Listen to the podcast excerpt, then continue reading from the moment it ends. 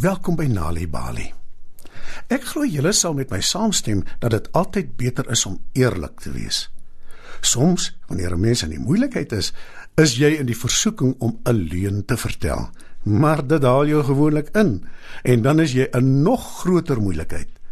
Dit is dus beter om reg van die begin af die waarheid te praat, wat ook al die gevolge mag wees. En omdat die meeste mense dit waardeer as jy eerlik is, is die gevolge dalk glad nie so erg as wat jy gedink het dit sou wees nie.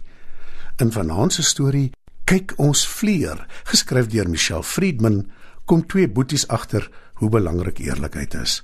Skryf dit nader en spits julle oortjies. Ag nee.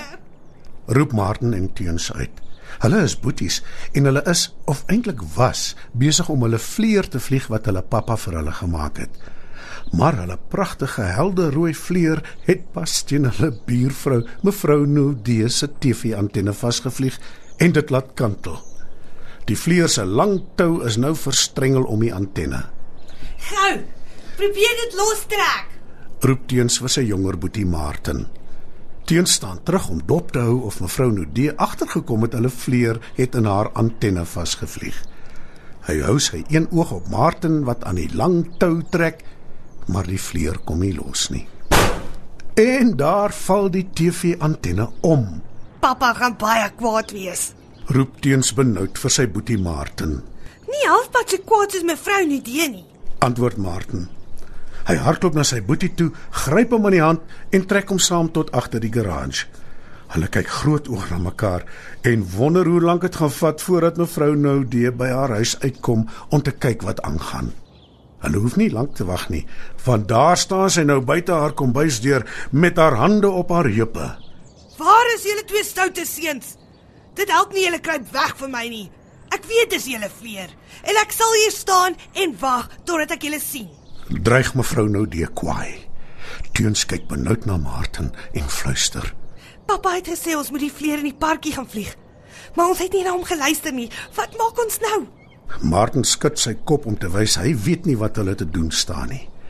Hy wonder wat hulle gaan doen as pappa uitvind hulle was ongehoorsaam. Martin weet hulle is 'n groot moeilikheid, want mevrou Nou D gaan vir pappa vertel, daarvan is hy seker. Pappa gaan ons vleer wegvat as hy hiervan hoor. Sê Martin hardop vir sy broer teens. En dis ons eie skuld omdat ons te lui was om parkie toe te gaan. Dalk vat hy selfs ons sakgeld. En wat maak ons dan? Ek het baie dinge wat ek wil koop. Teens is net so bekommerd soos sy boetie. Hy dink en dink oor wat hulle te doen staan. Hy voel skuldig want hy weet wat hulle gedoen het sal pappa teleurstel. En dan sê hy hartseer vir Martin. Die ergste van alles is ons het ons belofte aan pappa verbreek. Ons het hom beloof ons gaan park toe en ons het nie. Ek voel baie sleg hieroor. Martin laat sak sy kop. Hy stem saam met sy boetie. Toe vra hy: Wat maak ons nou teens? Ons kan nie die hele dag hier agter die garage wegkruip nie. Teens kyk moedeloos na Martin en sê: Soos ek nou voel, kan ons net sowel.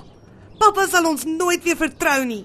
Martin, wat 'n paar jaar jonger is as Teens, is nie seker wat sy boetie daarmee bedoel nie en hy vra onseker. Wat beteken dit? Teens is na aan trane toe hy antwoord: Hy sal ons nooit ooit weer glo nie, want dis wat gebeur as iemand jou nie vertrou nie. Martin se oë rek nog groter en hy roep: Nee, net nie dit nie, dit is verskriklik. Teens stamp op sy boetie en sê kwaai: Sst. Nie so hard nie. Mevrou Nagdee sal ons hoor. Martin kyk bekommerd na Teens en vra: Sal dit wees soos die keer wat ek gesê het ek het wiskunde deurgekom? Martin lyk bitter bekommerd. Nee man. Natuurlik het pappa jou geglo. Hy het dan jou rapport gesien. Waar kom jy daaraan hè? Sê Teens ongeduldig. Martin dink na. Hy's nog steeds nie seker of hy weet presies wat vertroue beteken nie. Toe vra hy: Wat van die keer toe ek vir pappa gesê het ek het roomys geëet vir middagete? Teens skud sy kop en sê: Nee, Martin, roomys eet is nie so erg nie. Dis nie soos die vleer wat mevrou Nudee se antenne laat omval het nie. Nou is arme Martin eers deurmekaar. Wat van die keer toe ek my sakgeld verloor het? Vra Martin. vir pappa vertel dit het uit my sak geval. Teun sug en verduidelik vir sy boetie.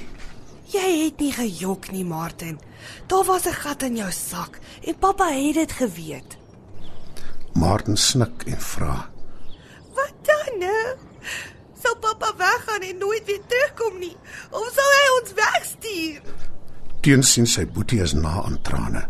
Hy sit sy arm om hom en troos. Nooit nie. Pappa is te lief vir ons. Hy sal nooit weggaan nie. En hy sal ons ook nie wegstuur nie. Nee, Martin, vertroue beteken as jy gesê het jy sal iets doen, moet jy. En as jy gesê het jy sal nie iets doen nie, moet jy nie.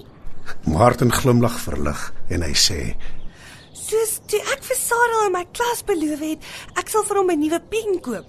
En toe het ek. Teuns glimlag verlig. Dit lyk asof sy boetie nou verstaan wat vertroue beteken. Maar sy verligting is van korte duur want toe hy om die hoek van die garage loer om te kyk wat mevrou Noude maak, sien hy haar na 'n nommer soek op haar selfoon. Sy gaan vir pappa bel en hom vertel. Martin skrik groot. Hy maak reg om weg te hardloop, maar toe sien hy sy boetie stap reguit na hulle buurvrou toe. Hallo mevrou Nadie. Sê Teuns en voeg by: Ek is jammer oor die TV-antenne. Mevrou Noude kyk verbaas na die seun en toe sê sy: Weet jy wat kos 'n nuwe antenne, mannetjie? Hæ? Het jy enige idee? Jy sal moet loop werk soek sodat jy vir my een kan koop. Martin het intussen by hulle aangesluit en sê: Ons pappa gee vir ons sakgeld. Ons kan dit gebruik. Mevrou Noude kyk skepties na Martin. Hy is intussen jammer hy het dit gesê, want hy wil nie regtig sy sakgeld vir mevrou Noude gee nie, maar dit was al manier waarin hy kon dink om sy boetie te help, So waar. Sê mevrou Noude. Wanneer kry julle julle sakgeld? En hoeveel is dit nogal? Die twee seuns kyk na mekaar. Hulle staan 'n entjie terug en begin vir mekaar fluister dat die sakgeld seker nie eers genoeg sal wees nie en dat pappa in elk geval gaan uitvind wat hulle gedoen het. Hy weet ook om mooi te praat met mevrou Noude nie veel gaan help nie. Maar toe hulle in haar rigting kyk, kan hulle nie glo wat hulle sien nie. Hulle buurvrou staar na die dak en daar is 'n glimlag op haar gesig. Hulle weet nie wat om te dink nie. Maar toe sê mevrou Noude: Ek kan nie onthou wanneer laas ek 'n vleer gesien het nie. Ek het een gehad toe ek 'n kind was. My oupa het dit vir my gemaak. Dit was 'n pragtige pink kleur. Een winderige dag het ek per ongeluk die tou laat los en dit het weggedryf in die wind. Totdat ek dit naderhand glad nie meer kon sien nie. Ek was nie eers baie hartseer nie, want ek het my verbeel die vleer lyk gelukkig. Julle laat my nou ver terugdink van môre. Toe glimlag sy vir die twee boeties en sê: Ons hoef nie vir julle pappa hiervan te vertel nie, seuns. Dit was net 'n ongeluk. En die ou antenna werk in elk geval nie eers meer behoorlik nie. Ek moes lankal al 'n nuwe een gekry het. Vat my leer en klim op die dak. Dan haal julle julle vleer af. Maar wees tog net versigtig asseblief. Die twee boeties kan hulle ore nie glo nie. En toe mevrou Noude wegstap na haar huis toe, verbeel hulle hulle hoor haar sê: En wanneer julle klaar is, wag daar dalk 'n warm sjokolade en koek vir julle in my kombuis. Die boeties kyk na mekaar en glimlag. Hulle weet hulle het die waarheid gepraat en hulle was bereid om te betaal vir mevrou Noude se antenne. En behalwe dat hulle kan uitsien na lekkernye, het hulle hulle vleuer terug.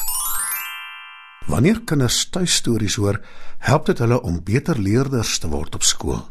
Vir meer stories om vir kinders voor te lees of vir stories wat kinders self kan lees, besoek ons by www.nalibali.mobi. Daar is heelwat stories in verskeie tale absoluut gratis beskikbaar. Daar is ook wenke oor hoe om stories vir kinders te lees en met hulle te deel sodat hulle hulle volle potensiaal kan ontwikkel. Nali Bali is ook op Facebook. Story Hour. Bring dit huis toe.